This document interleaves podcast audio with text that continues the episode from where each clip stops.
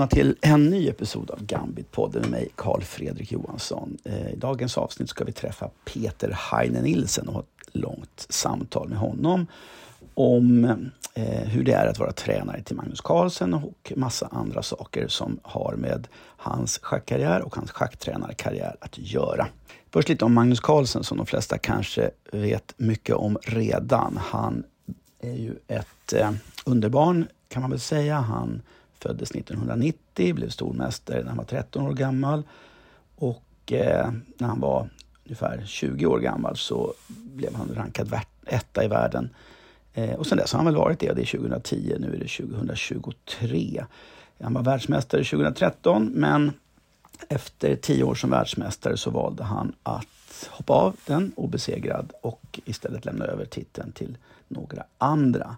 Men otvivelaktigt är han fortfarande den bästa spelaren i världen och vinner fortfarande stora tävlingar. Men framförallt så har Magnus de senaste åren valt att spela schack med mycket kortare betänketid och eh, när man spelar till exempel blixtschack där betänketiden normalt är tre minuter per spelare plus två sekunder extra per drag då minskar ju marginalerna avsevärt och även för de allra bästa innebär det att de begår många flera misstag i varje parti. Så det ökar möjligheten för skrällar och att stabilt vara rankad etta i den disciplinen anses vara mycket svårare. I snabbschack där är betänken lite, betänketiden lite längre, kanske en kvart per spelare plus 10 sekunder per drag. Men även där är det såklart svårare att vara överlägsen än i en tävling där man har flera timmar på sig för att spela. Så när Magnus Carlsen förra året vann VM i både blixt och snabbschack samtidigt, de spelades efter varandra mellan, i mellandagarna. Samtidigt som han då höll den riktiga VM-titeln, om man nu kallar den det, så bevisade han både för sig själv och för resten av världen att han var den absolut största. Och nu, precis innan årsskiftet mellan 23 och 24, så har han upprepat samma bedrift ytterligare en gång. Det är något som hans coach Peter Heine Nilsen i den intervju vi snart ska lyssna på menar i princip skulle vara statistiskt omöjligt. Men så blev det alltså ändå och Peter Heinelinsen kunde kassera in ytterligare ett bevis på sin adepts fantastiska kvaliteter. För det är Peter det ska handla om i det här avsnittet av Gambit-podden. Vi ska prata om hur han arbetar som coach till Magnus, hur deras relation har utvecklats genom åren, hur det skillnaden är att arbeta eh, med Anand som var den förra världsmästaren, hur det är att vara gift med en stormästare i schack, vilket han är, hur det är att bo i Litauen där han bor, som, eh, fast han är då från Danmark från början, och mycket annat som sagt. Eh, Peter Heine Nilsson, han är från Danmark, han är 50 år gammal nu. Han var en spelare på allra högsta nivå under ja, 90 och 00-talet. Hans rating var som högst 2700, vilket indikerar hur bra han var. Eh, den absolut bästa spelaren i Norden under sin tid. Eh, men de senaste decennierna har han alltså valt att bli coach och tränare åt först Anand och sen mot den världsmästaren då som tog över efter en annan, Magnus Carlsen. Han är sedan dess, eh, 2013, anställd av Magnus på heltid och därmed självklart i högsta grad en del av de enorma framgångarna som Magnus har uppnått så här långt. Så vårt samtal handlar såklart mycket om Magnus, men också om många andra saker som har med hans liv att göra. Men en sak som vi sparar är hans karriär i det som man kan kalla schackpolitiken. Han har enormt stor kritik mot Rysslands krig i Ukraina och framförallt då i det här sammanhanget om hur nonchalant Världsschackförbundet FIDE har hanterat den här frågan. Det är värt ett extra avsnitt av Gambit-podden och kommer om ungefär en vecka. Så vi säger välkomna till det här avsnittet. Idag har jag mycket celebert besök av Peter Heine Nilsen. Välkommen! Tusen tack ska du ha. Och som du, eh, man hör då direkt så är det ju, eh, finns ju en dansk, eh, vad ska jag säga, nyans i, din, i ditt uttal och vi ska göra ett försök att prata lite svensk, dansk, skandinavisk här och eh, vi tror att det ska gå bra.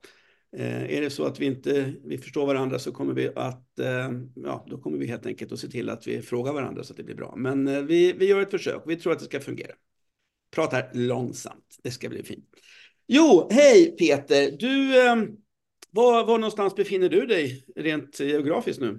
Jamen, netop nu sidder jeg i, i Vilnius i Litauen, og jeg er Litauens gift, gift med en, øh, hvad hedder det, Litauens tidligere skakspiller, nu, nu politiker, Victoria Chmelite, og vi har, vi har to øh, barn sammen, så når du snakker om, om, om mit sprog, så snakker jeg ganske vist dansk, men altså på mit job er jeg vant til at snakke med en nordmand, og med mine børn, snakker jeg dansk, men jeg prøver på at lære dem dansk, så de får jo med, med, med vældig dialekt, fordi det ikke er deres, deres hovedsprog, men min kone snakker engelsk, så det er lidt, lidt kaotisk for mig sprogmæssigt, så det er faktisk dejligt at, at få snakket noget dansk her, men jeg bor i Litauen, det har jeg gjort i, i, i 10 år, øh, jeg blev... Altså, Kær, kærlighed, kærligheden tog det dit? Altså. Præ, præcis, ja. Altså, jeg blev kæreste med en litauisk uh, skakspiller, for, og ja, vi har 10 års bryllup om, uh, bryllupsdag om, om, hvad hedder det, om, om ni dage og sådan, så det er jo et, et, et længerevarende forhold, må man sige, der også er kommet to børn ud af, og hun er blevet uh,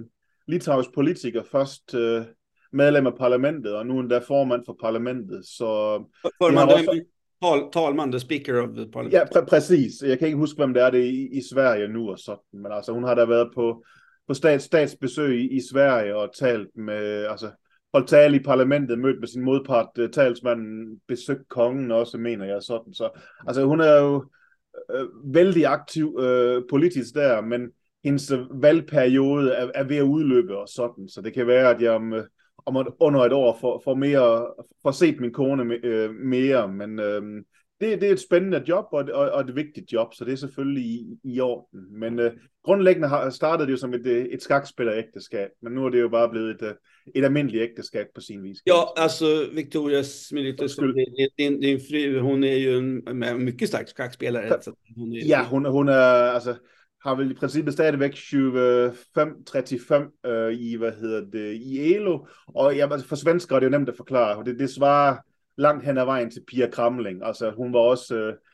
eller fordi Litauen er lidt dårligere skakland end Sverige, så var hun der nummer et i, i landet i åben række på et tidspunkt, og Alltså, bara, bara, hon var rankad nummer ett totalt i hela Litauen bland män och kvinnor så att säga. Ja, ja, i, i, i en periode endda, som, som 18-årig vandt hun det litauiske mesterskab i åben række og sådan. Øh, så altså, det kender jeg jo lidt i Sverige med nogle outliers i forhold til det generelle niveau på, på kvindeskak, og det, det, det gjorde hun jo i en periode, men, men lige pludselig så blev det politik, og det, ja, det udviklede sig så i en ufor, uforudset retning, og det er jo så blevet et, et exit for skak i praksis. Ja, prater du litauiska også?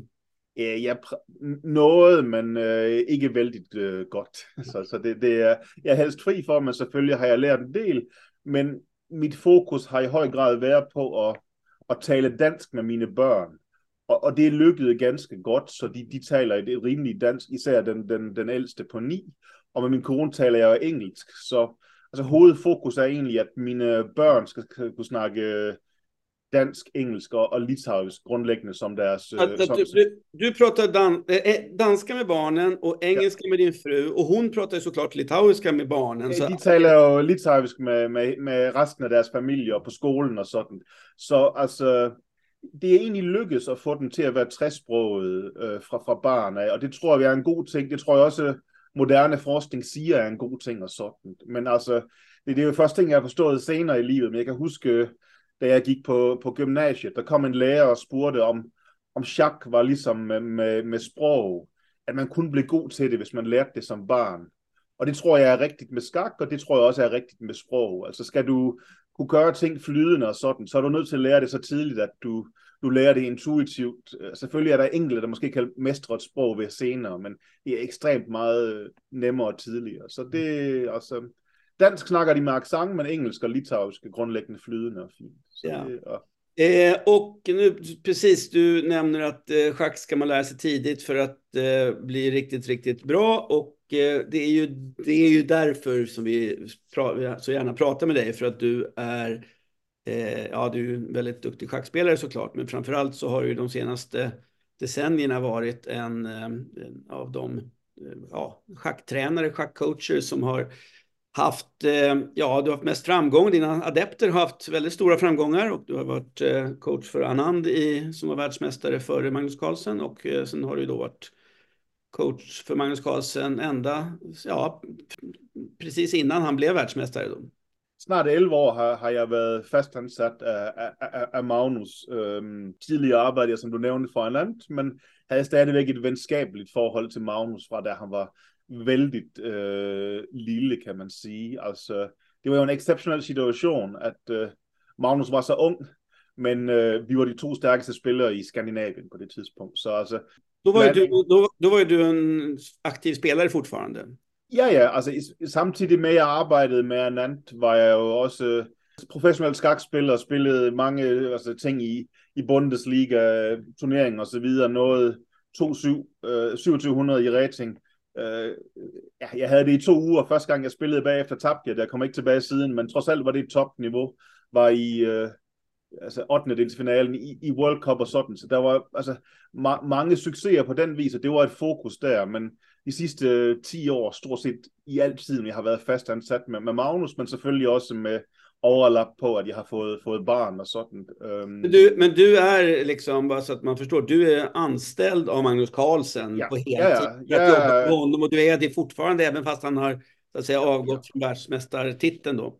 Precis, Altså, jeg har været ansat i, alltså Magnus firma har en kontrakt med mit firma, det har jeg været på, på hvad hedder det, snart, snart 11 år, det, det er jeg stadigvæk. Altså, øh, jeg, jeg laver ikke andet end at være coach for, for, for Magnus på, på sin vis, og det er et, et typisk spørgsmål, jeg får af, af mange, så det er fint at kunne fortælle om det, at jamen, øh, det er jo rigtigt, han er ikke verdensmester længere, men han spiller stadigvæk en del turneringer og sådan. Det, det er sandt, at da jeg startede med at arbejde for ham, der rejste jeg utrolig meget med ham. Nu har jeg vel ikke set ham i øh, 5-6 måneder, men, okay. men han, han er jo også blevet en altså, ældre person. I starten var han jo tidligt i 20'erne, nu er han jo blevet nogen af 30 år, og har jo ikke så meget behov nødvendigvis for, at mig og forældrene er der for at klare praktiske ting.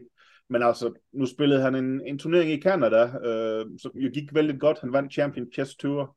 Altså, der, der sidder jeg jo og arbejder men det, hver, hver, mor, hver morgen sender ham uh, e-mails med, med prep.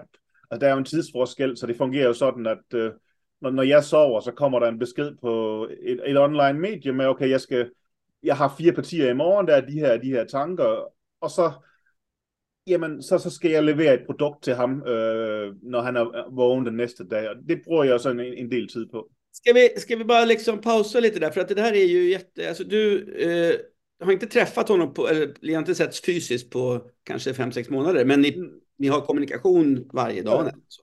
Ja.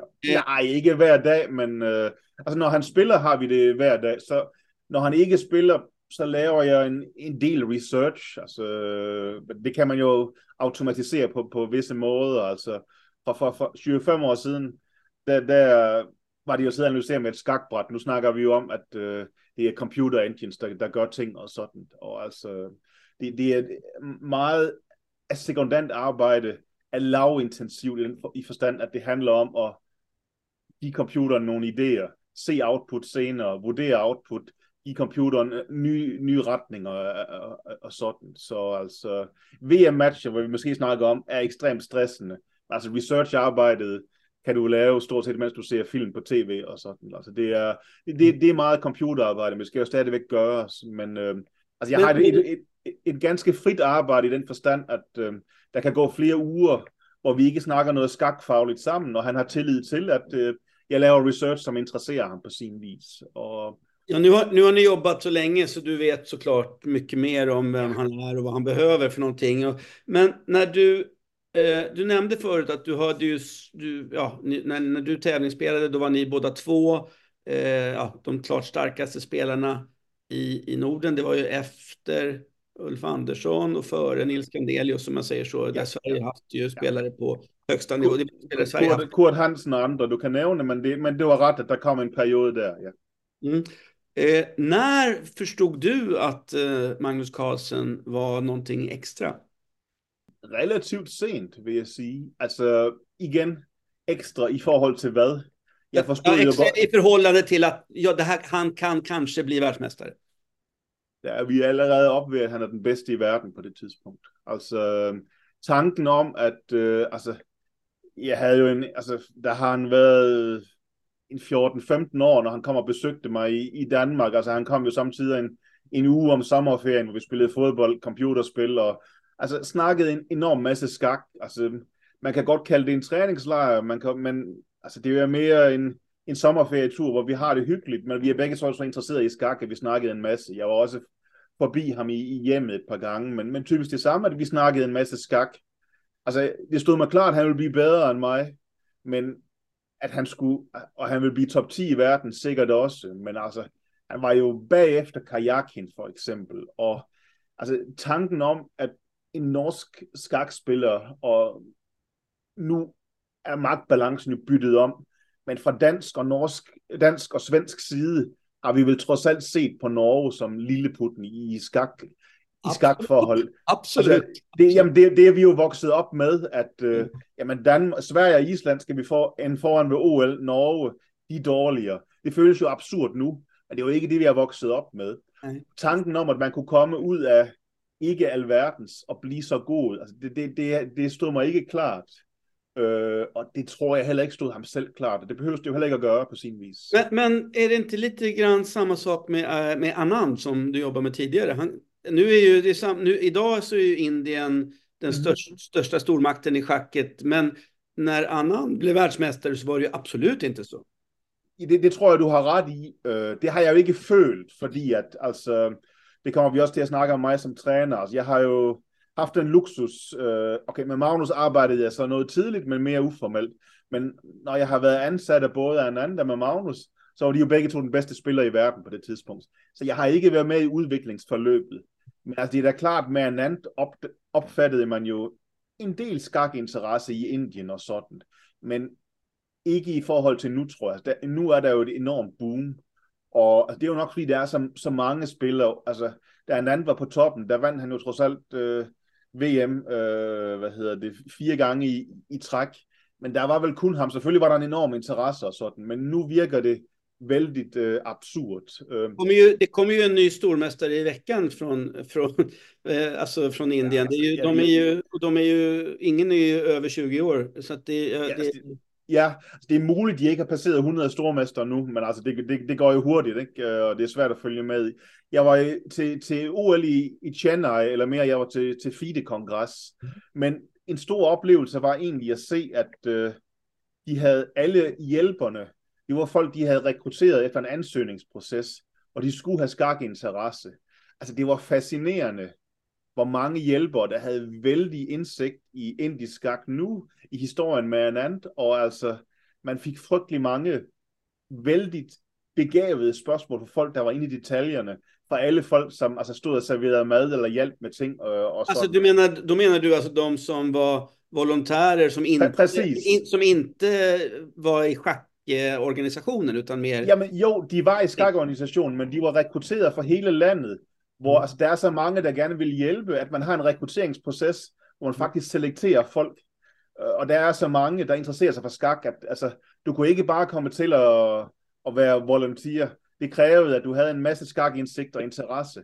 Og der var utrolig mange folk, som altså virkelig havde interessante spørgsmål om andet, og, og typisk altså hvis du møder nogen i, altså i Norden, så har de en basal viden. Det her var helt anderledes. Altså, de havde men, men, men om, om, du, om, om Anand går ut på stan i, i, i Indien, så er han känd, en känd person. Det vil jeg tro. Jeg har, jeg har ikke, bortset fra FIDE-kongressen, så har jeg ikke været jeg, i Indien på noget tidspunkt, da jeg, da jeg arbejdede for Anand. Så det, så det ved jeg faktisk ikke. Men, men om Magnus Carlsen går ut på stan i Norge, då är han en väldigt, väldigt känd person. Det er, har nået et niveau, hvor det oplagt generende for mig, men det er også kommet til et punkt, hvor det er generende for, for ham, men det også er generende for mig. Altså for eksempel under, under den seneste Norway Chess, altså hvis vi skal gå ind på en restaurant, og man skal altså vente i køen for at få et bord, mm. så, når, så når der kommer folk op og vil tage billeder og skrive autografer og sådan.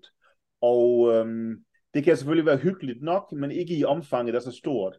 Også ved skak for eksempel. Altså, det er jo ikke ligesom fodbold, man har specielt spillere. Man går ind via den normale, hvad hedder det, sådan entré til, til lad os sige, uh, musikhuset, hvor de spiller. Og det har så den konsekvens, at der er en masse skakfans, der når at bede om ting på vejen. Og problemstillingen er jo lidt, at øh, det er fans, det er en unik oplevelse at møde Magnus Carlsen. Det har jeg stor forståelse for. Han skal så spille et vigtigt parti om et minut. Øh, det giver jo en eller anden form for clash. Altså for det meste er han jo venlig og siger øh, ja, men problemet er, at, at omfanget er så stort. Altså det ser man med mange, mange, mange sportsstjerner. Jeg tror kanskje, at uh, det her har vel schack communityn liksom længtat efter ändå att... att, att... Ja, men næsten. Det er jo grundlæggende utroligt. Det, det jeg ser er jo, at man begynder at tage forholdsregler, som at man, øh, går via en anden indgang, eller, eller sådan nogle ting, hvis det, hvis det er vigtigt. Hvis du sørger for at have ikke bodyguards, men store folk med, som kan skubbe folk væk, og øh, det gør vel også, at hvis du skal holde ferie, så gør du det måske et sted, hvor du håber på, at folk ikke kender dig. Sådan. Altså der, jeg, jeg kritiserer hverken fansene eller Magnus. Jeg siger bare, at det er sådan, øh, evolutionen er, når du er i den situation. Ikke? Og, det, er jo det er en väldigt speciell situation naturligtvis, att vara klart, klart, klart. celebrity som schackspelare. Det tror jag inte många som... Nej, og det, det gør måske også, at altså, selv dem, der er top 3 i verden, synes bare, det er hyggeligt, fordi at niveauet er ekstremt mindre. Øhm, et sted, du ser det, kunne måske være for eksempel OL i skak. Der er problemstillingen, at Magnus er spiller, og, men de andre spillere er også fans, så det kan også være, at der kommer, altså, man har jo set situationen, at, øh, altså, det, det er mere måske et kort øh, citat, ikke? men altså, hvis øh, der kommer en og beder om dig, om autograf under partiet, og siger, hvorfor siger du det ikke til dommeren? Jamen, det var dommeren, der kommer og bad om autograf, ikke? Altså, det er jo også problemstillingen. Altså. Ja, nej, men det, ja, jag förstår. Nej, men det, det är klart att det, det blir ju, det är ju speciellt eftersom, ja, inte, det här är ju en, det är en situation man inte är Ja. ja det, det, här, så det är inte många gånger i historien det har sett ut på det här sättet. Eller? Nej, og altså Magnus bliver jo øh, vældig godt økonomisk kompenseret for mange af sine ulemper, så man skal jo ikke have så, så, så ondt af ham. Men, ja, ja, men, men altså, jeg, jeg kan se situationen fra begge sider, men nu er jeg jo ansat for Magnus, så man prøver selvfølgelig på at, at hjælpe ham og skåne med det, og du kan jo også se, at altså, selvfølgelig jeg er professionel og ansat, og er, er vældig opsat på det, men han prøver jo også på at omgås med, med folk, som har været venner i lang tid gennem livet. Altså, jeg er jo, altså, jeg startede jo ikke min relation med Magnus, da han var superstjerne. Jeg startede med ham, da han var, var barn og sådan, ikke? Og familie, ja, det giver sig selv, de har været der hele tiden og sådan. Så du prøver vel på at omgås med ting, som du, du er trygge ved, og som ikke ser dig som et uh, superstjerne, men mere som en, en, en person, ikke? Nej, men det är ju speciellt. Det för att det tror jag ju inte att om vi tittar på topplistan så jag menar, det är klart att några få av de här som nu är superstreamers och finns överallt, ja, ja. De är ju också kända människor, men jag tror inte jag tror inte... Jag tror, att Caruana får, han får gå i fred på gatorna. Det, det, det vill jag tro. Selvfølgelig er der nogen, der kender ham, jeg tror, at du, altså, jamen, jeg tror godt, han kan gå i, i rimelig fred. Nakamura er sikkert sværere, fordi, ja, mycket, han, mycket svårare tror jag. Men han, han, han promoverar sig ju selv aktivt, så det är ju det är, det är, alltså det är han, han, han, vill, han, det är precis det, han vill ju ha det så. Ja, ja. Eh, och han mår säkert bra av det också. Så att, ja, ja, ja, ja, det är inget tvivl om. Så, för du jobbar ju med Magnus. Eh, hur, mm. hur många, det, ja, det kanske du inte får säga, men hur många är det som är anställda av, av Magnus för att ha, jobba med hans... Eh, för jag, jag tänker att det finns kanske någon public relations, liksom någon, den typen av människor runt omkring någon som jobbar med just... Ja, men, Jamen, altså, i øjeblikket, altså faren er jo, altså, Magnus har jo et, et, et skakfirma, der tror jeg, faren er, er CEO, eller hvad det hedder, så faren er jo lige praktisk manager i øjeblikket. Så det är han, for, han, är, han är fortfarande, alltså papp, hans pappa är fortfarande, har varit, för han har väl varit det sedan dag ett? Nej, det er faktisk ikke. Espen Aktestein var jo ansat som det i, i en, lang, en lang periode, men altså jeg tror, så ja, Magnus har skruet lidt ned på, på den slags ting, så faren er ansat der, og i, i den skakkelige afdeling er det kun mig, som er, skal vi sige, fastansat på en, på en måde.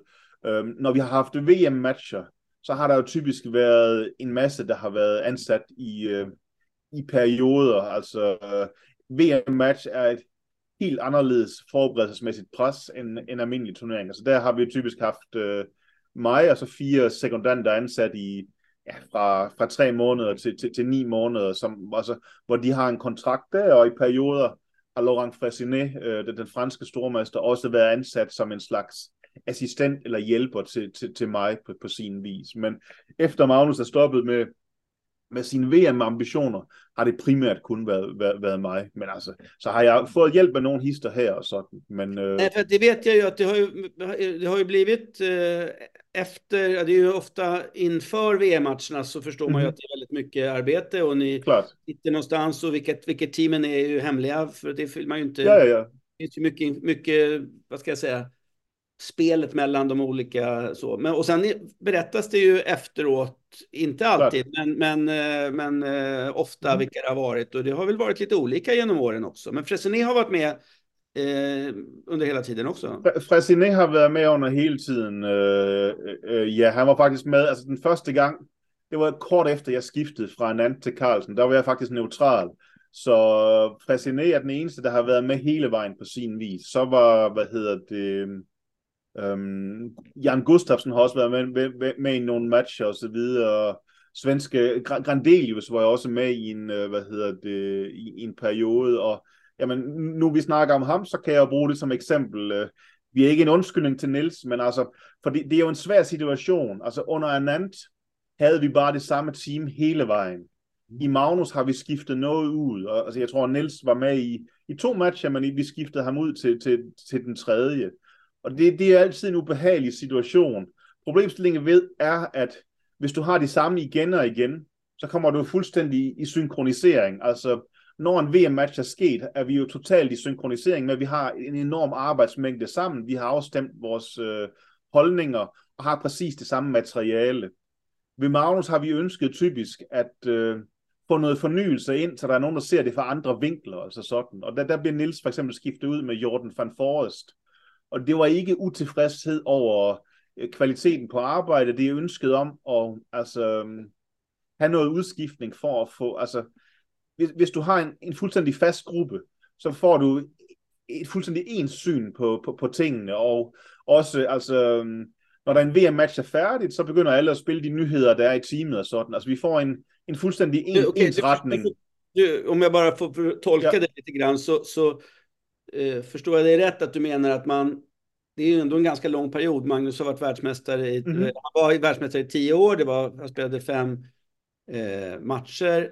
Ja. Eh, och det är klart att det är olika motståndare och schacket mm. utvecklas och det är klart att man måste, för att vara förutsägbar så för att inte vara förutsägbar så kanske en, en av sätten att göra det är att byta.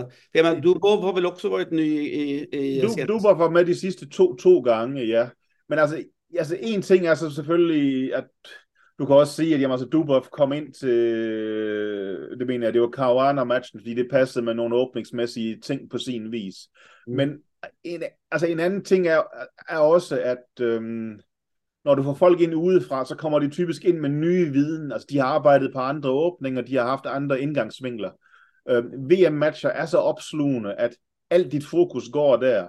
Og hvis du har det samme team hele vejen, så er der ingen, der kommer med ny viden ind, og så ender vi alle sammen med at sidde på den, på den samme viden. Ja, ja. Og det, det, det, det, det, det, det fastnar, så att säga. Man kan fastna i samma gamla... På et, på et eller andet plan, ja. Og der har Magnus ønsket mere form for, for, for udskiftning og sådan, hvor mod Vernant øh, ønskede han det samme, og jeg vil tro, at øh, kalde det overtro er i overkanten, og det er ligesom, altså okay, det her har vundet for mig, nu gør jeg det samme igen. Mm. Men det var klart, at øh, kunne jeg se, at altså, i starten med Anand var vores niveau højere. Til sidst altså, blev det åbningsmæssige niveau lavere, men så havde vi så mere rutiner og sådan, så det virkelig galt. Så var vi faktisk relativt dygtige, men at, øh, at, at, at man, man stagnerer lidt som, som team, og det tror jeg er en, en naturlig konsekvens, nærmere end at det er kritik av enkeltpersoner och så. När man, eh, när man tittar på det, de här åren som du har jobbat med eh, ja, de bästa spelarna i världen, det är ju eh, år där det dessutom samtidigt har varit en extremt kraftig utveckling av schacket som spel. Mm. Eh, det är ju ett helt annat spel idag än vad det var för 15 år sedan, eh, 20 år sedan. Och eh, hur ska jag säga det här då? Jag antar att det är ett väldigt stor skillnad i den typen av hjälp som du kan bidra med. För att du nämnde förut att förut så, så var det viktigt, det kan vara viktigt vad vi gör själva, vad vi bidrar med som individer. Och nu kan man slå på datorn och datorn kommer berätta vad som är rätt och fel. Men det ja. kan ju motståndaren också göra. Vad, hur, Klart, hur, men, hur, hur alltså, du beskriva den här utvecklingen? Ja, altså, altså min, min force har trods alt altid været øh, skak arbejde med computerne. Det var jeg, det var, det var den del, altså jeg er bedre til at arbejde med en computer, end jeg er til at, at, spille skak. Altså jeg, jeg var dygtig i åbningsfasen, og det var derfor, jeg fik et arbejde med, med Anand. Så jeg har altid været computercentreret på den måde, men du har ret i, at udviklingen har været enorm. Altså snakker vi første gang, hvad hedder det, jeg arbejdede for Anand til det VM, det har været i 2005. Altså der snakker vi om bærbare computer, der arbejder lokalt, som måske har det, man kalder fire kerner eller kors, som man synes var, var hvad hedder det, meget dengang. Det, det, jeg ved ikke, om vores mobiltelefoner er kraftigere nu, men det, men det, det er de, der, absolut, det er de Ja, det er det, der, er, det er det, der er sammenligningsniveauet. Det synes vi jo var teknologisk ganske imponerende dengang.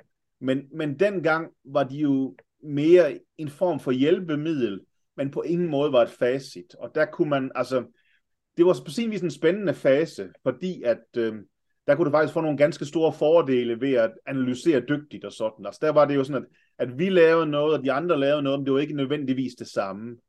Øh, hvis vi springer enormt langt frem til, til, til situationen nu, så er problemet, at øh, computeren er så ekstremt kraftig, softwaren er så ekstremt god, at øh, vi får alle de samme facitter. Øh, en, en stor forskel er, at øh, Anand, det, det tror han citerede Kasper for det, da de havde en VM-match, men det galt også tiden for ham selv, at altså, en åbning kan ikke holde til mere end tre partier. Øh, fordi at, altså, modstanderne ved, at du spiller det, så kigger de på det, og de finder nogle gode nye idéer. Nu er det fuldstændig anderledes. Som man ser på Nepomniachtchis strategi de sidste to VM-matcher, mm. så spiller han stort set bare de bedste åbninger, som ifølge computeren. Han spiller russisk, han spiller en variant i semitarisk, han spiller klassisk katalansk. Modstanderne ved det. De har et halvt år til at forberede sig, og det til trods er der ikke noget at gøre. Altså niveauet på og computeren nu og på viden om åbninger er, at jamen, vi ved, Berlin er godt, vi ved, russisk er godt, vi ved, Marshall også er rimelig godt. Med sort ved vi, eller mod D4, de her åbninger og sådan. Altså, at sige, at skak er løst, det passer ikke. Men vi er gået til en fase, hvor hvis vi kan finde et nyt træk, som kan overraske modstanderen i et parti, så er vi allerede jublende lykkelige. Altså tanken om at, at opfinde en ny åbning, som altså ligesom Kasparov opfinder skots til en VM-match, altså det, det er meget, meget lang tid siden. Altså skak er alt for løst på den måde, og det vi bliver dygtige til i Magnus' øh, hvad hedder det, VM-team, og som jo også begyndte at indse i løbet af karrieren, at altså, det var vigtigt med mange forberedelser op til matchen, men det jeg havde primært brug for, det var enormt kompetente personer, under en match, som når Magnus går i seng kl. 11 om aftenen, så kan jeg sige til dem, okay, nu sover vi her i 8 timer, de her skal laves, der skal være nye idéer, når jeg står op om morgenen, og det er der så også, øh, og det bliver dem, der ligesom bliver det kreative del af holdet.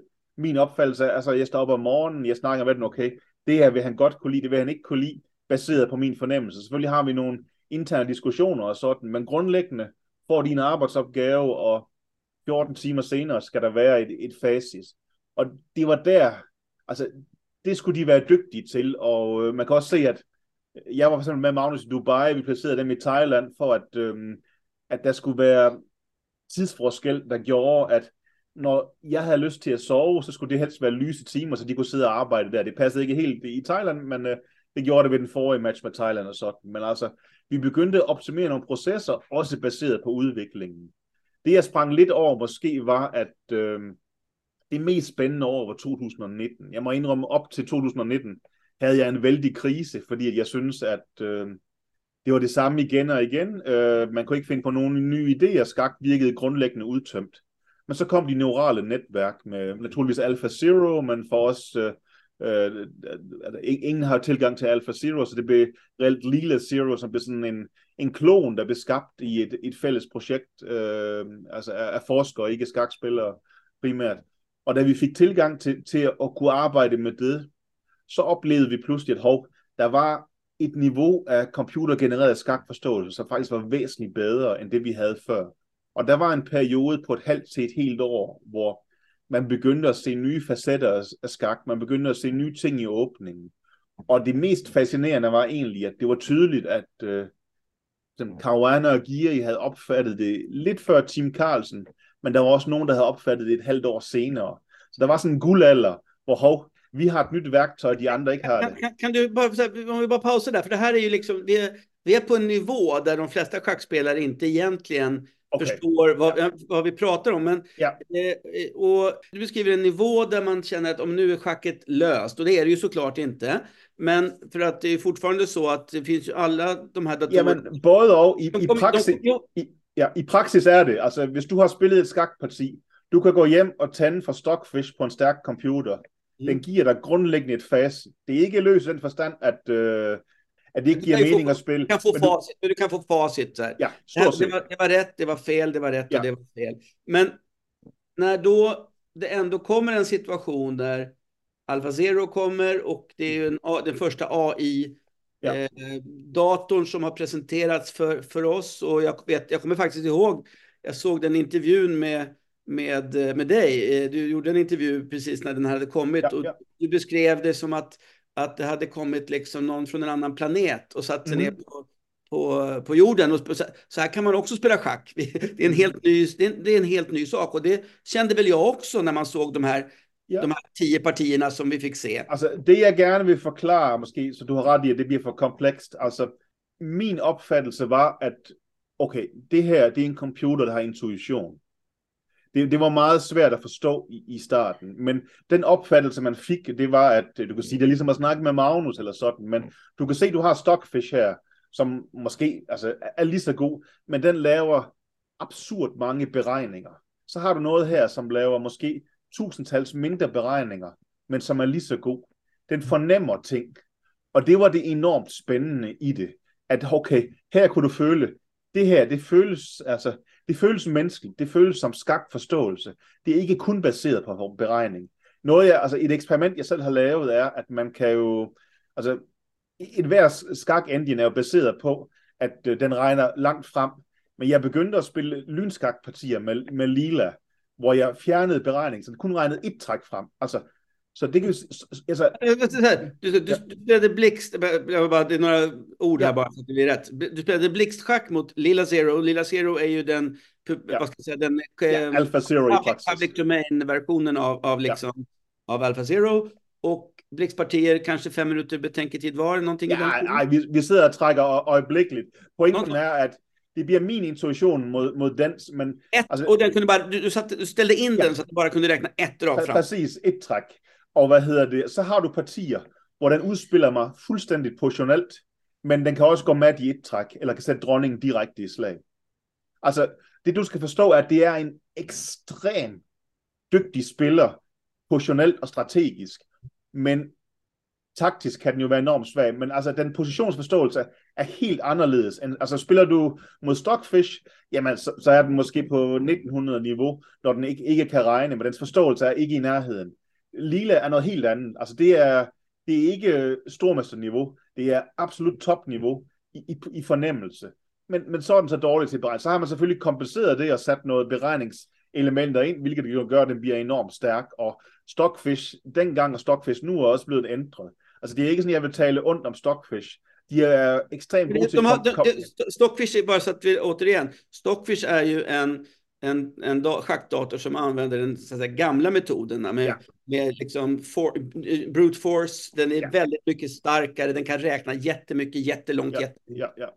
Det, det, det er korrekt. Det har de så kompenseret for siden og sådan. Og det, det er jo en enormt spændende proces. Men i starten var der en enormt tydelig kontrast, og det var enormt spændende. Og altså, det, jeg synes var det mest spændende, var, at det var klart, at derfra, altså i år 2019, altså da det år var gået frem til året inden, kunne jeg se, okay, min opfattelse og min skakforståelse var ændret voldsomt. Og havde du spurgt mig i 2018, havde jeg sagt, altså vi ved, hvad skak går ud på. Du kan ikke finde på nye strategier og sådan. Det ændrer sig i 2019. Når du, snakker, når, når du snakker med mig nu, så vil jeg sige, at uh, nu er vi igen på maksimum. Det går ikke op. Altså, så jeg lærer ikke af min fejl. Ända, ända tills nästa grej händer det. Precis. Jamen, jeg tror ikke på, at der findes flere grejer, men jeg, altså, jeg har taget fejl før. Men, men du, är det någon, någon sån här detalj i din schackförståelse eller någon detalj i det som schack, de lila Zero och Alpha Zero bidrog med som du kan liksom förklara, som går att förstå? Altså, der er nok nogle, skal vi sige, aggressive, materielle ting, som, altså, nu skal jeg ikke, altså nu er det jo et svensk podcast, så vi bruger Johnny Hector som eksempel, men altså i fransk spillede han for eksempel en eller anden gambit, altså hvor man offrer en bonde, og man, altså, jeg så tænkte, okay, det, det ser idiotisk ud, du kan ikke bare give en bonde på den måde, idiotisk er forkert, men, øh, men det siger mere idiotisk om, om mig, at jeg ikke forstod det. Altså, men altså, man kan se, at Hector spillede den variant, og da jeg begyndte at se på det med Lila, der, der var jeg så imponeret, at øh, jeg tænkte, okay, Øh, jamen, det fik jeg Magnus til at spille. Han vandt et, et, et fint online-parti med det og sådan, og det er blevet altså, en, af, en af varianterne. Hvilken variant er det, vi prater om? I fransk en variant? Vi snakker fransk fremstød, altså 3 ja. E5, ja. C5, C3, springer C6, springer F3, dronning B6, løber D3, ja, D tager D4, og så slår igen på D4, spiller I løber D7. Men computeren rokerer bare. Og så kan hvid jo slå, sort kan slå på C3, men så slår man igen med springeren. Det kan man så forstå, så er der udviklingsforspring. Ja. Men sort lader være med at slå på C3. Så spiller man tårn E1, springer B, D2. Så bliver der slået på C3, man slår igen med bunden. Og der mangler man en bunde, og havde du spurgt mig for, altså før det her, så vil jeg sige, altså, ja, det er sådan en hektar spiller, øh, men, men hvad hedder det, altså enhver kan jo se, at sort er foran med en bunde, bunden på C3 er svag, og der er lidt udvikling. Men problemet er, altså computeren siger, at det er lidt bedre for hvid, og jamen, og det er ikke et, altså, det er ikke et, du kan ikke lave et kortsigtet bevis. Du kan se, at når partierne udvikler sig, så er der rigelig kompensation i den her stilling. Og det, det vil jeg ikke have været mentalt i stand til at forstå. En anden ting er jo også i åbningen, at altså, vi har haft en idé om, at man skal spille principielt skak. Altså for eksempel øh, Nemso-indisk, 4 dronning C2, det virker logisk. Du spiller A3 og slår igen med dronningen, du får løberparet, eller du forbereder E4. Det kan du forklare til et menneske. Og så kan vi sige, London-systemet, jamen altså det er noget gamle mænd spiller i Danmark og sådan. Og problemstillingen er, at jamen, det virkede logisk for mig nu. Hvis du spørger en moderne computer, nej, altså dronning C2 giver ikke alverden. London derimod, det giver en spilbar stilling. Altså der er ting som, altså Problemstillingen är... För det, för om man tittar på, på världselitens eh, spelöppningar, om vi, om vi ett perspektiv av en, en lite en sämre spelare. Så det som jag, man, det verkar som att de har skiftat tillbaka till mycket klassiskt spel. Det är damgambit med svart, man spelar, väldigt, man spelar London, ut med löparen, ut med pjäserna. Italienskt spelas mycket. Alltså det är, det är väldigt mycket så som man kanske spelade. Lite, lite forskellige ting. Når du nævner damegambit, så grunden til, at det er populært, er, at det er så god en åbning. Altså, det er en åbning, der har så meget kvalitet, at ligesom Nepomniachtchi, så kan man sige, jeg kommer og spille Dame Gambit, jeg kommer og fortælle dig, at jeg spiller Dame Gambit, men du kan ikke gøre noget ved det. Altså, det er det, der argument er. Det, der er så meget kvalitet i det. Når du snakker London og italiensk, så er problemstillingen, at tidligere, altså i min ungdom vil sige, det her det er vældig uambitiøse, langsomme åbninger. Men problemet er, at alle de ambitiøse åbninger, som er forserede, dem har vi løst. Altså vi ved, at hvis du gør sådan, så gør jeg sådan. Det findes der løsninger på. Og så bliver næste steg i evolutionen, at jamen, så når man ikke kan få fordel ved at angribe kraftigt, fordi vi kender forsvaret, så giver det mere mening at spille noget langsomt, hvor du så trods alt har et træk mere. Så italiensk siger vi, altså vi har alle sammen vokset op med, at, at spansk, det er en rigtig åbning. Italiensk, ja, det er jo bare at spille skak. Men nu mm. ved vi, at der findes Berlin, og der findes Marshall, og de er, altså, det leder til forserede varianter, hvor vi kender facit. Så er det blevet meget mere attraktivt at spille italiensk, for der kan du så spille A4, eller du kan spille H3, eller, altså, du kan lave en masse nuancer, hvor de kan også løses, men det har de ikke gjort endnu, og det giver mere et skakparti. Og det, det er en stor forskel, for da jeg arbejdede for Anand, der var en anden, altså, jamen, han prøvede på at maksimere i åbningen, så vi prøvede på at lave en masse, altså, at vinde partier i åbningen, prøve på at lave, og kalde det fælder, ikke korrekt, men nogle, hvad skal vi sige, et, et ambush med, at, jamen altså, det så vi for i, i en første VM-match i 2008, der lykkedes det vældig godt med nogle meget overraskende ting. Altså, vi prøvede på... Det var Anand mod Kramnik, hva? Kramnik, ja. Vi prøvede på at vinde partier i åbningen. Mod, mod Magnus øhm, er det ikke ambition. Det er jo ikke sådan, at Magnus har et problem med, hvis vi vinder i åbningen for ham, men grundlæggende er forståelsen, at vi er sikre på, at Magnus er en bedre spiller. Så, så arbejdet handler mere om, at øh, han, må ikke, altså, han må ikke tabe VM-matchen på grund af os. Hvis jeg fremstår som relativt usynlig, så er det egentlig et tegn på, at opgaven er løst, for så har vi fået en mand mod mand situation i skak. Det er klart, hvis der så kommer et menneske, som er bedre end Magnus til at spille skak, så, må, så har vi en ny problemstilling, men, men der er vi heldigvis ikke. Og sådan. Men, men, men øh, forstår du, hvad det er, som skiljer dig og Magnus i skakligt? Jamen, det er jo, altså, det er jo altså, sportslige kvaliteter. Han er jo altså, markant bedre til øh, at, at spille skak øh, og, og sådan. Ikke? Altså, hans variantberegning er på et helt andet niveau. När ni, pratar, när, ni, när ni snackar med varandra, ja. eh, förstår, alltså, förstår, kan ni jeg, er god, jeg er god nok til at forstå ting. Selvfølgelig, hvis det går, hvis, altså, men en del af mit job er jo også, når han spiller et VM-parti, så følger jeg det med en computer undervejs, for at jeg kan have en samtale om det bagefter. Altså, det är ju också en stor, stor del. För, om, om, för direkt efter partiet, om, ni ska, om du ska kunna samtala med honom, då räcker inte din egen förståelse riktigt till. Jamen, ikke nok, ikke nok til at forstå de taktiske detaljer og sådan, og nok, altså, altså jeg har jo, øh, trods alt med, med, med knap 11 års samarbejde, har jeg fået en god, altså, jeg tror, jeg er bedre til at forudse hans træk, end de fleste andre mennesker forhåbentlig. Det, det, det skulle jeg jo helst være. Altså, du får en idé om, hvad kan han lide, hvad kan han ikke lide, hvad er typisk ham på sin vis. Men jeg vil aldrig kunne gøre det selv.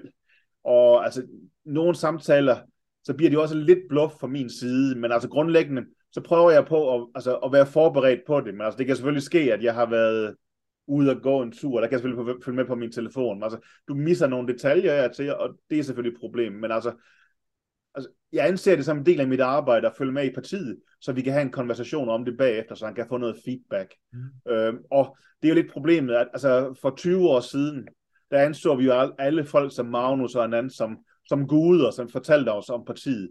Nu er rollen jo byttet om. Altså, den skakjournalist, der interviewer, ved, han lavede en fejl i træk 33 og sådan, ikke? fordi vi har computer, så det er blevet en mærkelig situation. Men altså, jeg prøver jo også hele tiden, altså, hvor du kan se, at kommentatorer siger, nu lavede Magnus en grov fejl. Altså, jeg har jo hele tiden et, et praktisk aspekt.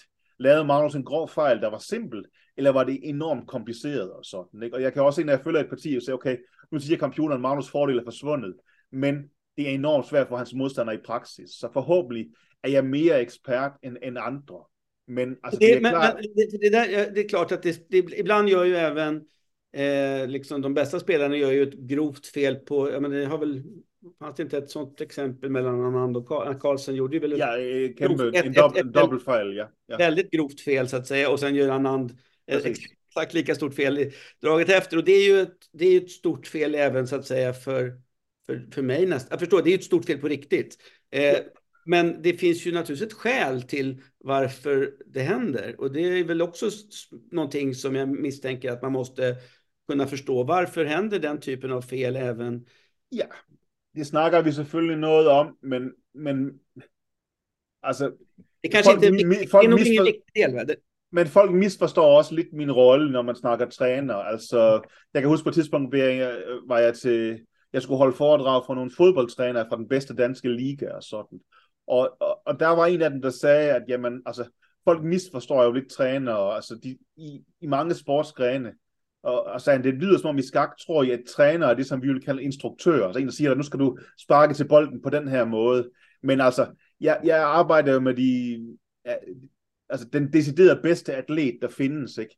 Altså rollen er selvfølgelig, at øhm, der er ingen tvivl om, at Magnus er mere begavet af mig generelt om skak, han har bedre indsigt i, hvad han selv kan og sådan. Og det er jo nødt til at være en præmis for mig. Ikke? Altså vi så jo for eksempel, at han har arbejdet med Kasper i en periode, og det var enormt gavnligt på mange måder, men det øh, eksploderede jo også på et tidspunkt, for der kommer magtforholdet, og det er jo det, der er tale om på et eller andet plan, øh, i, i tvivl. Ikke? Altså Magnus, øh, vil, Kasper ville have, at han gjorde nogle ting, som Magnus ikke havde lyst til, og hvad gør man så der?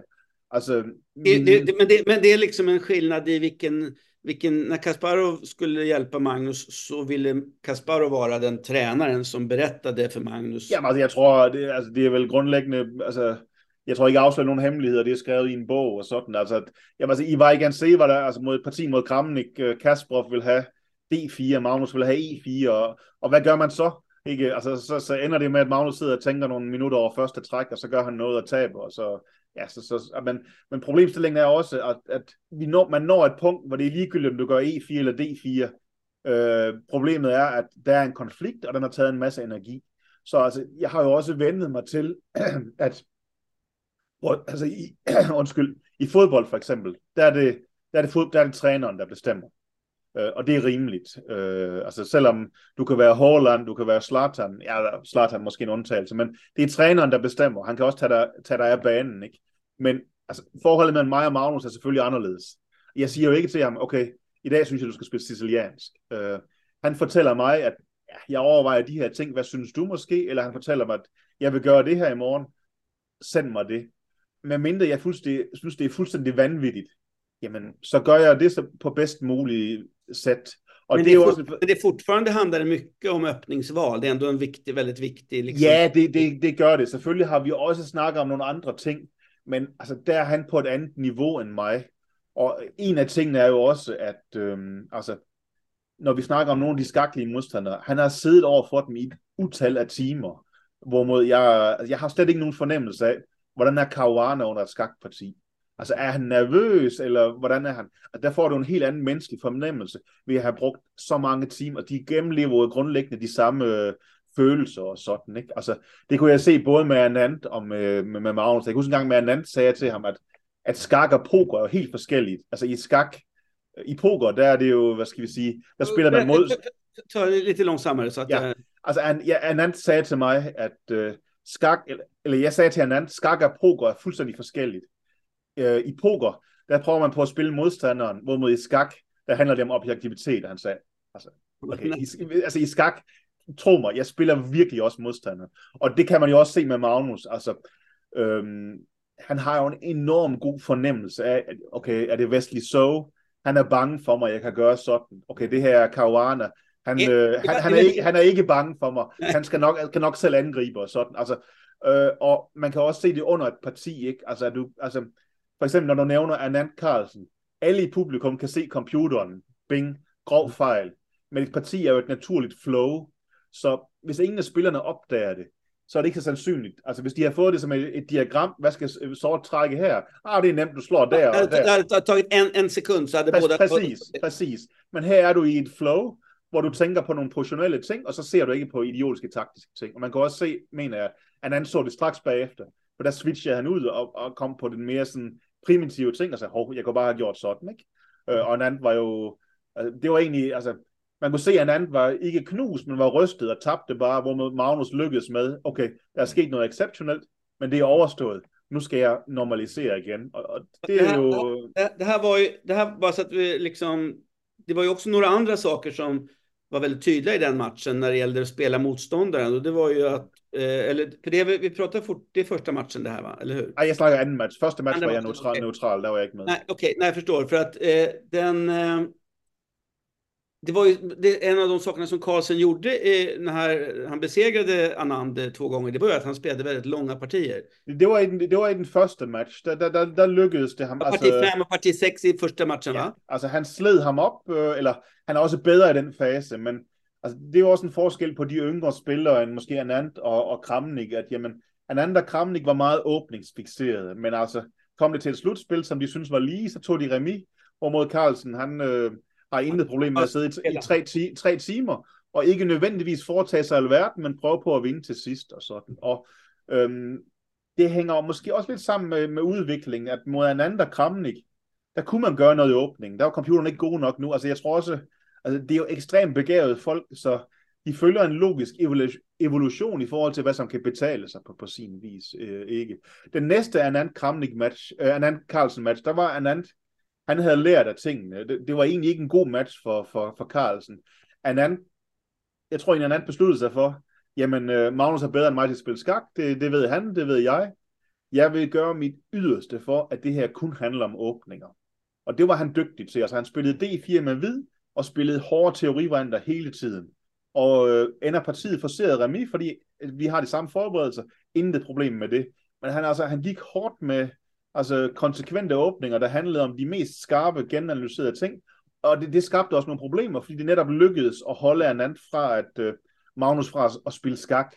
Øhm, altså, Anand, Magnus vandt matchen alligevel. Jeg tror, både Anand og Carlsen er enige om, at jamen, øh, grunden til, at han gjorde det, er, at han er en klart bedre spiller på det tidspunkt. Han har også skrevet om sin bog, og der er jo ingen, altså, ingen skam i at tabe en VM-match til en person, der, der er 20 år yngre end dig. Altså det, øh, du skal være stolt ja, af. Att, att, att Anand var, kvalificerade sig den andra, ja. till den andra matchen är ju fortfarande... En prestation. Är en fantast, det är en väldigt ja. stor... Ja, ja. Alltså, jag tror för, för kandidatturneringen gav han odds 50 eller sånt. Alltså, det var... Men du, så här, eh, tillbaka lite grann till en fråga för, som jag själv är väldigt nyfiken på. Du, du, jag försöker, den här skillnaden mellan Carlsen för all del, men de absolut, absolut bästa i världen. Mm. Eh, och de som är ganska bra, eller jättebra. Alltså jag vet ju, i Sverige, Sveriges bästa spelare Nils Gandelius är väl rankad någonstans runt plats 50. Eh, ja. 60, 70 kanske någonting som i världen. Han ligger strax under 2700 i rating. Men han har gjort det i tio år. Eh, mm. och han vill ju bli bättre. Men han, och jag fattar ju att han försöker varje dag. men det måste vara ett, någonting som gör att det är ett stort steg däremellan. Ja. Går det att förstå eller förklara på något sätt vad det här, vad skillnaden är mellan de allra, allra bästa och de som, fruktan, de som fortfarande är fruktansvärt bra? Min, min opfattelse är ju att uh, talent, eller kald det vad du vill, talent, skakforståelse, intelligens, men det, det er ikke i klassisk forstand, men der er nogle begrænsninger der, hvor, hvor, hoved, hvor hurtigt hovedet fungerer og sådan. Jeg, jeg har jo snakket både med Carlsen og Anand øh, meget, jeg har arbejdet med dem, og altså, det er klart, at når vi snakker om skak, hastigheden er enormt anderledes. Jeg kan huske, det bliver som i forhold til Peter Svitler, men altså for, det må jo være, jeg er blevet gammel, så det er vel 25 år siden eller sådan, ikke? Men vi spiller en, øh, en turnering i, i Esbjerg, Vesterhavsturneringen. Peter Svidler är ju bara så att vi han är ju ja. då en spelare som är fortfarande idag. Han ja. är väl 50-årsåldern, va? Så. Ja, det, jag är 50, han må vara 45 eller ja, men något så. Där. Ja, ja. Och fortfarande håller han ju en enorm... Ja, absolut. Men alltså, jag kan huska, där, där blev spelat en turnering i Dortmund, hvor, hvor Anand havde spillet mod Kramnik, og, og, og hvad hedder det, Anand havde tabt. Der lå et papir med, med partiet på, og så skrev trækken, ikke? D4 eller 1 springer F3 var det, og sådan, ikke? Mm. Og så vi kiggede begge på, så det, og så, så, så grinede Svitler lidt, og jeg sagde, grinte var åbning og sagde, nej, nej, i træk 34 så er der en anden kvalitet i slag. Och han, alltså, läste, han, alltså han läste protokollet på bara, whoops, det är som att läsa en bok för honom. Ja, det kan jag också. Men altså, jeg var nået til træk 13, hvor han var, var nået ned, ikke? Og altså, jamen, altså, problemet er jo, at hvis du møder både mig og Svitler, så vil du tænke, okay, med al respekt, vi er langt over dit niveau. Du vil ikke kunne, du vil ikke kunne se forskellen. Men det betyder ikke, at forskellen ikke er der den er bare sværere at se, og det, det er jo et eksempel på, okay, der kunne jeg godt se, altså, ja, det gik meget, meget hurtigere, ikke? og det samme, altså, når jeg siger, at jeg skal, jeg skal tjekke ting med computeren, før jeg snakker med Ananda Carlsen, det er jo fordi, at, jamen, så kan vi snakke på samme niveau, altså ellers, så, så går det för hurtigt och sånt. Ja. Och sen... men, men, men, det betyder ju, det, det, du, du säger nu egentligen såklart det att det, och det är ju inte så konstigt att för vissa spelare, att de kan, kan komma, de kan aldrig komma längre än hit. Eller det, det finns ja, ju en typ av tak. Eh, man kan sikkert ja. altså for eksempel en som en dansk træner, Jakob Aargaard, mener jo, at jamen, man kan altid arbejde sig til at blive, til at blive bedre og sådan, og det kan man sikkert også, men altså, altså, altså Altså, jeg kan huske, at der var en, det, nu snakker jeg ikke om Grandelius, men der var en anden, der spurgte mig om en, en, af, en af mine venner, men hans træner spurgte mig, jamen altså, han havde nået 7-7 øh, 20, men nu stagnerede det og sådan, og hvad jeg, hvad jeg tænkte om det, jeg sagde, altså, vi må vel også være åbne over for muligheden om, at øh, det var hans maksimum. Og at, at, at, altså, at han er blevet så god, er en kæmpe succeshistorie. Og det bliver jo problemstillingen også, at øh, altså, vi vil jo gerne, altså jeg tror selv måske, at øh, jeg manglede en masse sportslige kvaliteter, jeg kunne have blevet endnu bedre, men altså, vi kan alle sammen godt lide historien om, at selvfølgelig kunne vi være blevet bedre, end, end vi var øh, på sin vis, men vi fik ikke god rådgivning, vi arbejdede ikke hårdt nok, vi kan finde på en masse undskyldninger. Men, men altså, ja. de, de, spelarna som är, är det, det, är väl ingen tvekan om att spelarna som är i världstoppen nu är ju oerhört mycket bättre än vad spelarna var i världstoppen för, för det, det, det, det ger sig själv, ja. Eh, men den, om vi tar Karlsson som nu är några år över 30, eh, nu kommer ju då indier och Uzbekistan och andra som har 17, 18, 19-åringar som utmanar redan, redan nu på den mm. nivån. Eh, vad, hur, hur, länge kan man hålla sig i, i världseliten i den tid vi lever i nu? Jag tror Carlsen siger, han kan godt lige så længe han vil. Det, det er måske overkanten, men han ikke skulle kunne være i, i verdenseliten som 40-årig, det tror jeg egentlig, han godt ville kunne være. Det er ikke sikkert, han, han, han altså det, det, det, vil, det tror jeg, skal man sige, er et personligt motivationsspørgsmål øh, på den måde. Der, der, der er to ting ved de unge, som jeg synes er interessant. Dels er det jo, at de bliver ekstremt gode tidligt. Det vi mangler at se er, om man på grund af teknologi og bedre metoder kan blive god hurtigt, eller om det betyder, at man ender med at blive markant bedre. Altså om, du forstår, når man hurtigt, hurtigt til top, eller betyder det, det top, menar, toppen är meget... Om det är ett wunderkid eller om det är liksom en... en ja, altså er vi blevet bedre til at blive god hurtigt, eller betyder det, at uh, der findes nogle niveauer, vi, vi ikke kender på sin vis? Uh, en anden ting er jo, at jeg tror, skak slider på nervesystem og sådan. Og øh, spørgsmålet er, om man kan være altså, ekstremt dygtigt som, som 14-årig og leve igennem altså, hele tiden konkurrencementalitet og gøre det til, man er 45. det kunne jeg godt tvivle på. Altså, det er ikke noget, der bliver snakket meget om, men altså, skak er jo psykisk øh, stressende på mange måder, og jeg tror, altså, der er jo, altså det sidder man og spiller i, i fem timer, men altså, der er jo en forberedelse, der er nervøs. Der, altså, jeg synes, der er en vældig nervøsitet øh, blandet ind i det. Og jeg kan jo se, altså på et tidspunkt var jeg kommentator til en kandidatturnering. Altså tidsmæssigt tager det måske syv timer, du, hvor det kun tager 4-5 timer at spille. Men altså, fem minutter før du skal gå i gang, er du fuldstændig afslappet og sådan. Når du har fri om aftenen, så går du altså ud og spiser og drikker lidt og har det behageligt. Altså stressniveauet er fuldstændig anderledes på sin vis. Og selvom jeg jo er i en luksuriøs situation nu, at Magnus har vundet alt, hvad han kan drømme om mange gange og så videre, og at vi har arbejdet så længe, at skulle jeg lave en, en grov fejl, så mister jeg nok ikke jobbet øjeblikkeligt. Altså, nervøsiteten er stadigvæk noget helt andet. Og da jeg spillede skak for, for 10 år siden, og jeg tænkte, nu skal jeg fokusere på trænergærningen, jeg skal også, hvad hedder det, være far, så måske kunne jeg begynde at spille skak for sjov. Jeg spillede to turneringer for at se, kan jeg spille skak for sjov? Och det kan jag inte. Det, det, det, det, du, du tror inte att det finns inte för dig Nej, att ha det, som, som, en, och det har jag hört från många ja. spelare, starka spelare, att när man, när man inte längre kan prestera på den höga nivån, då, det är inte kul då. Nej, altså det er også, øh, nu er det jo et svensk podcast, så jeg skal endelig altså, sende en hilsen til mine, mine venner i rokaden, altså der har jeg jo spillet fra de tidlige juniorår, mm. og det er jo desværre stoppet med, øh, og, og det er jeg ked af socialt. Altså det er mennesker, jeg utrolig gerne vil se, men den naturlige øh, altså, måde at gøre det på, var jo at spille i den svenske serie og sådan. Men øh, det var stressende, og at bruge fri weekender på noget, som var stressende, når du også har et, øh, et job, hvor du er træner for verdensmesteren, hvor du begynder at få små børn, og der var længere rejse fra Litauen. Det var ikke forenligt, synes jeg. Men altså, og det, det hænger helt klart med, at øh, jeg kunne ikke tage til Sverige og nyde at være sammen med mine gode venner i tre dage på grund af stressniveauet ved spilskak. Men skulle det kunna, tror du bara, det är klart att en sak såklart har man små barn hemma, det är ja. ju lätt, lätt ja. att förstå. Det är lätt att förstå. Men låt säga när dina barn växer upp och blir stora, flyttar hemifrån, kommer du och Victoria åka och spela senior VM tillsammans? Det, det kan jag inte föreställa mig, fordi at øhm, skak og skaklig kvalitet er for tæt knyttet til vores øh, personlige identitet. Altså, jeg kan ikke lide at spille dårligt skak. Jeg har det, jeg spiller meget golf, øh, er relativt dårlig til det. Jeg synes, det er fantastisk. Jeg spiller shogi, som er japansk skak. Jeg har 1900. Intet problem. Altså, det er ikke min identitet, der er knyttet op til det. Men jeg har været vant til at være dygtig. Jeg har investeret... Altså, det er det primære, jeg har gjort i mit liv, er jo at dygtiggøre mig inden for skak.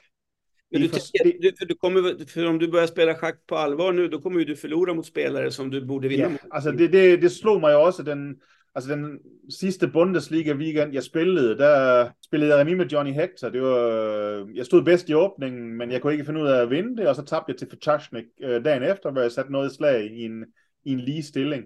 Og det er jo begge to spillere, som... Det er, de er samme generation. Ja, de er ældre end mig.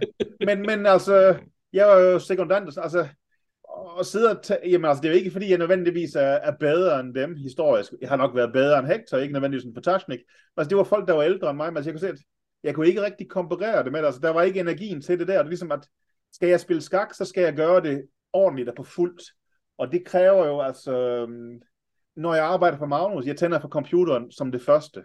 Altså, og hjernen bliver sat til at lave nogle andre ting. Jeg snakkede Øh, jeg var med i et podcast sammen med Ramesh, den nu berømte indiske træner. Og han, sagde ja, han, også, har varit, han har varit med i vores podcast også. Ja, ja. Og han er enormt spændende, øh, synes jeg, og virkelig ikke bange for at have for, for meninger. Men han ser netop også, at som træner, jamen, du er nødt til at bruge computeren for at have relevans, men det skader også din øh, skaklige kvalitet. Og der har jo en, altså, Magnus er en af dem, der bruger computer mindst, fordi han gerne vil beholde sin kritiske sans og sit hoved intakt. Og jamen, jag gör något annars, Från sidan kan man ju annars tro att du, du tittar på så mycket schack och du får så mycket jag, jag förstår, förstår det på så hög nivå att du borde kunna använda det själv. Ja, men det lykkedes også i tiden med en anden på sin vis, vil jeg sige. Øh, og, men øh, det kunne jeg måske godt, men altså, på det tidspunkt rejste jeg vel omkring 20 uger om året, mellem 10 og 20 uger med Carlsen. Jeg skulle se at uh, skaffe børn og sådan. Jeg, jeg prøvede med en balance. Det var mm. tydeligt, at øh, det fungerede ikke godt skakligt, og det var tydeligt, at øh, jeg nød det ikke. Altså, jeg vil hellere have brugt øh, 10 dages semester på, øh, med min familie på at spille golf, end at sidde indenfor og spille skak med en utilfre- utilfredsstillende følelse. Spiller dine barn skak? Ja, de spiller noget, specielt ham, der fylder seks her om, øh, om, øh, om, om, om ni dage. Han, han spiller en del med sin, øh, altså hans øh, morfar, og jeg ham, der lærte min kone at spille skak, så han synes jo, det er hyggeligt at have, have det igen og sådan. Så han spiller noget. Min, min søn på, på, på ni spiller lidt, men altså, han gik til skak her rundt om hjørnet, men nu går han mere til, til dans og forskellige ting. Og det, ja, jeg, jeg vil hellere, have han spillet fodbold og basketball, men altså, noget af det, jeg synes, man har lært også, at man ser, at øh, hvis børn begynder at udleve deres forældres ambitioner, det har man set i skaklivet, at det er ikke nogen god idé. De må, de må gøre, hvad de har lyst til. Og en anden ting er jo også, at der er ingen eksempler på børn af en vældig stærke skakforældre, som mig og Victoria trods alt er, som er blevet dygtige til skak. Jeg tror også, det hænger sammen med, at hvis du ser i fodbold, er det på min alder 50, så kan du ikke spille længere. Altså, nogen bliver træner, men de fleste bliver pensioneret, og så kan de have en naturlig overgang til, at de bliver i sporten med deres børn. Skak er helt anderledes der. Du, du säger att du eh, jobbar med datorer. Jobbar Carlsen, jag har förstått att han jobbar inte med datorer alls, han läs, men han läser alla böcker. Ja, det har han ju gjort. Eller alla passar inte. Ja, men alltså, men, alltså, mycket ja, ja. fler böcker än vad de yngre spelarna läser. Det, det vil jeg tro. Det, altså, men det er jo også sådan, han er vokset op, og der er jo forskel på at være 33, som han må jo være efterhånden, og så være 19. Ikke? Altså, da Magnus startede, der var en stor del af informationen stadigvæk i bøger Så, men, men det er rigtigt, der snakker vi, for eksempel, hvad har vi lært af neurale netværk som Lila? Så altså, Magnus har læst nogle bøger, men er ikke, jeg tror aldrig, han har selv, nødvendigvis selv har siddet og analyseret med den, hvor jeg har jo lært enormt meget af at sidde og analysere med den. Men en, en del af min job er jo også, at jeg ved, at han ikke gør sådan nogle ting.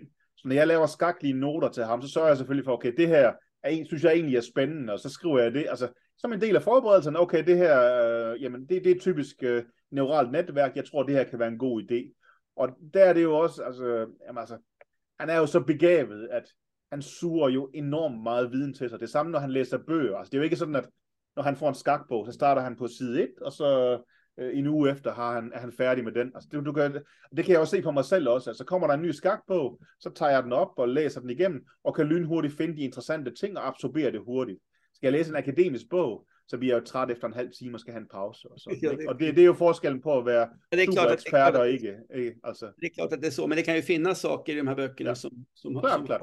Men, men altså, det er jo typisk, man ser jo også tit, at Magnus spiller en ny åbning, for nu har han, øh, altså, jeg tror i, hvad hedder det, i Vejgansé i år vandt han lidt øh, parti i sidste runde med Erik Geisi med en lidt mærkelig variant i Dronningen, som han havde set i en bog, øh, som Tirvi Jakob havde skrevet, som han havde liggende, og så sagde han, det her ser egentlig sjovt ud, så sagde jeg, okay, og så går jeg i gang og arbejder med, med computeren, og sender ham noget, så med nogle altså korrektioner, siger, okay, nu siger computeren det her, du skal gøre sådan, og Steve Jakob han, det Steve altså, Jacobs er mere sådan en, altså han fortæller om, han har spillet varianten historisk og sådan, og jeg laver det til et helt repertoire, og, og det er sådan en typisk proces, ikke? at Magnus bliver inspireret på noget.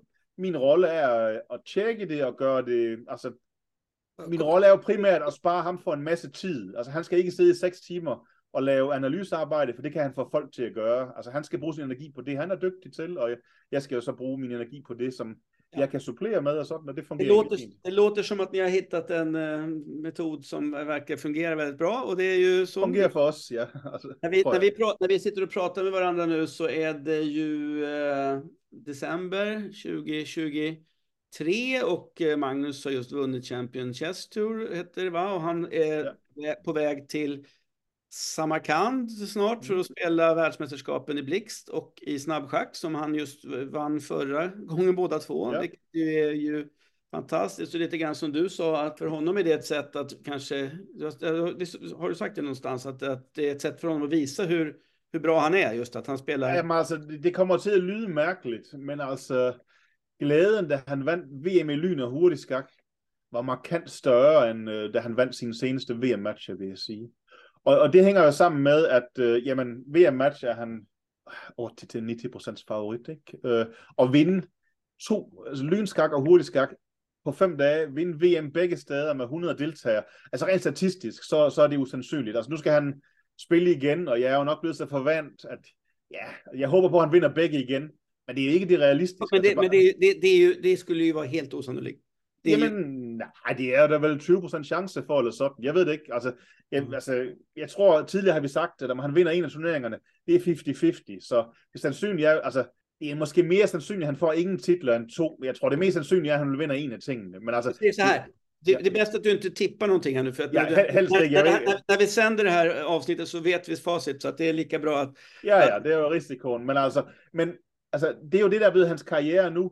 Han har egentlig lyst til at gøre svære ting. Altså, hvorfor spillede Magnus World Cup i år? Det virker jo grundlæggende fuldstændig idiotisk. Ikke? Altså, han skal ikke kvalificere til noget. Nu skal han spille knockout-turnering, som kan være enormt stressende over tre og en halv uge. Han får ingen startpenge. Øh, Første præmien er ikke større, end hvad han kunne få for at altså, spille en simultan, eller hvad det var. Han havde lyst til det. Altså, han synes, det her, det var udfordrende. Jeg har ikke Han, kan välja, før. han, för- han, har- han har gett sig själv möjligheten nu att välja de sakerna som är... Han man- spiller ting, som er spændende og udfordrende, og for alle andre mennesker på planeten, så ville det at spille en VM-match være spændende. Altså, og det, altså, øh, jamen, det vil man gøre meget for. Det har han fravalgt, og man så jo op i processen til, at han annoncerede det. Der var ingen, der troede på ham det. Altså, jeg var helt, jeg, prøv, jeg sagde til mange i det danske internationale miljø, Magnus siger, hvad han tænker. Han tænker, at han ikke vil spille VM, men altså, det, det, det, der var ingen, der troede på mig. Og det, det, jeg kan godt forstå det, men hvad skal vi gøre? Ikke? Altså.